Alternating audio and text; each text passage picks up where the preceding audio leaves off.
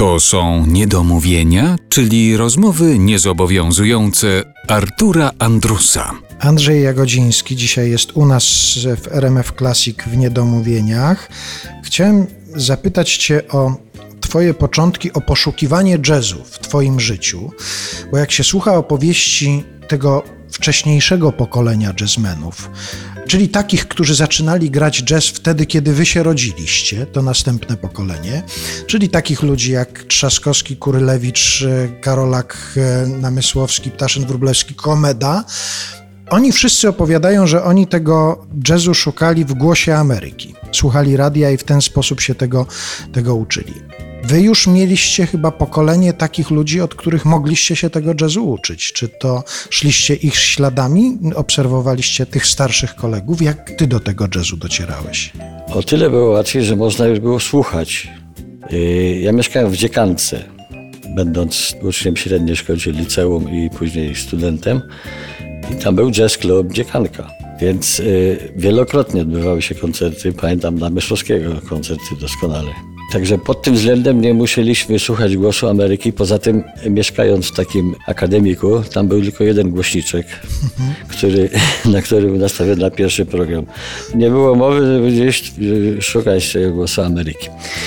Ale to było wystarczające. Poza tym już tu i ówdzie koledzy starsi potrafili coś nie coś. I wielokrotnie w pokojach studenckich w każdym było pianino prawda, co jest bardzo e, ważnym e, elementem. Rozstrojone, czy nie? Strojone dość często. Tak? Strojone dość często. Ale to sami studenci sobie stroili? Nie. Przychodził stroiciel? Przychodził stroiciel, tak. Mhm. Także przy okazji mogę napomknąć też, jeżeli mogę na chwilę zboczyć. Tak, oczywiście. Chodziłem do liceum na Krasińskiego, niedaleko stąd. Oczywiście w każdej sali był fortepian czy pianino i wszystkie sale były otwarte. Sala koncertowa była również otwarta, gdzie był najlepszy fortepian. Sala kameralna była również otwarta, gdzie był Blitner o przepięknym brzmieniu. I ja mogłem sobie tam wejść o każdej porze dnia i nocy i nikt mnie nie wyganiał. Dzisiaj trzeba się zapisać, kluczyk. Jak nie jesteś pianistą, to nie dostaniesz sali. No już nie mówiąc o tym, że teraz to już ma się dostęp do pianina online tylko. Także. tak. No więc takie elementy, które ułatwiły mi w pewnym momencie, chociaż nie byłem pianistą, prawda, bo grałem na waltorni jako na głównym instrumencie, ale mogłem się do tego instrumentu dorwać tu i tu, bo wszędzie był pod ręką. Teraz jak młodzi ludzie szukają jazzu, no to mają prostą drogę. No, wiedzą, że na przykład w słynnej Bednarskiej w Warszawie uczą ci, których znają z nagrań, z płyt, z koncertów i mogą chociażby do tej szkoły przyjść się tego jazzu uczyć. Wtedy, jak wspomniałeś, korzystało się z tego, że graliście w e, e, dziekance słynnym akademiku artystycznym, ale na uczelni w twoich czasach, kiedy ty studiowałeś na Akademii Muzycznej, dobrze się patrzyło na jazz, czy nie bardzo? Nie bardzo. Na uczelni akurat nie pamiętam żadnego przypadku y, jakimś negatywnym wydźwięku, natomiast w liceum, owszem, zdarzały się na przykład jakieś akademie, uroczystości, na których trzeba było zagrać troszkę lżejszą muzykę i no, nadawałem się tylko ja właściwie mhm. do takich eksperymentów, ale nauczyciele przedmiotu głównego na przykład, Altorni, bardzo niechętnym okiem patrzyli. Natomiast traciłem czas na jakieś nic nie warte drobiazgi, zamiast dmuchać w trąbę jak najdłużej, jak najczęściej. A waltornia w jazzie się nie przydaje? W moim przypadku się przydawała. Był okres, że używałem tego instrumentu. Był taki zespół Swing Session, mhm. taki jak gdyby wzbogacony trochę oldtimers, między innymi Miśkiewicza, Jaremkę. Grałem tam w pewnym momencie na fortepianie, używając również waltorni i puzonu wentylowego. Również przez dokładnie bodajże rok istniał ostatni etap zespołu String Connection.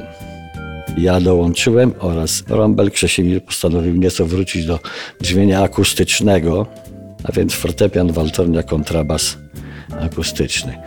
I też używałem tam waltorni. Zespół istniał tylko rok, później już Krzesimir nie miał na to czasu. Przepraszam, bo muszę jeszcze o coś zahaczyć, bo tu się puzon pojawił też, tak? Puzon wentylowy, tak.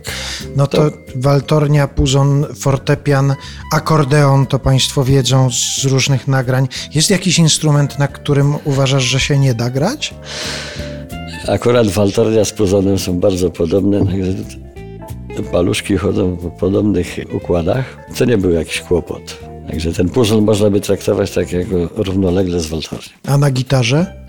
Na gitarze oczywiście tak, no ale przy ognisku kilka lat wcześniej. Nie udało mi się niestety zdobyć żadnego nagrania Andrzeja Jagodzińskiego grającego na gitarze przy ognisku, ale ta myśl, to wyobrażenie podsunęło mi pewien pomysł, mianowicie przy najbliższej okazji postaram się namówić gitarzystę Janusza Strobla e, do tego, żeby się panowie zamienili instrumentami, żeby Andrzej Jagodziński zagrał na gitarze, a Janusz Strobel na akordeonie. A na razie mam dla Państwa taką propozycję muzyczną, w której jest po bożemu, to znaczy Andrzej Jagodziński gra na akordeonie, Janusz Strobel na gitarze. To jest y, kompozycja Andrzeja Jagodzińskiego ze wspólnej płyty panów y, Jagodzińskiego i Strobla. Płyta nosi tytuł Teta Tet, a utwór nosi tytuł Demolka.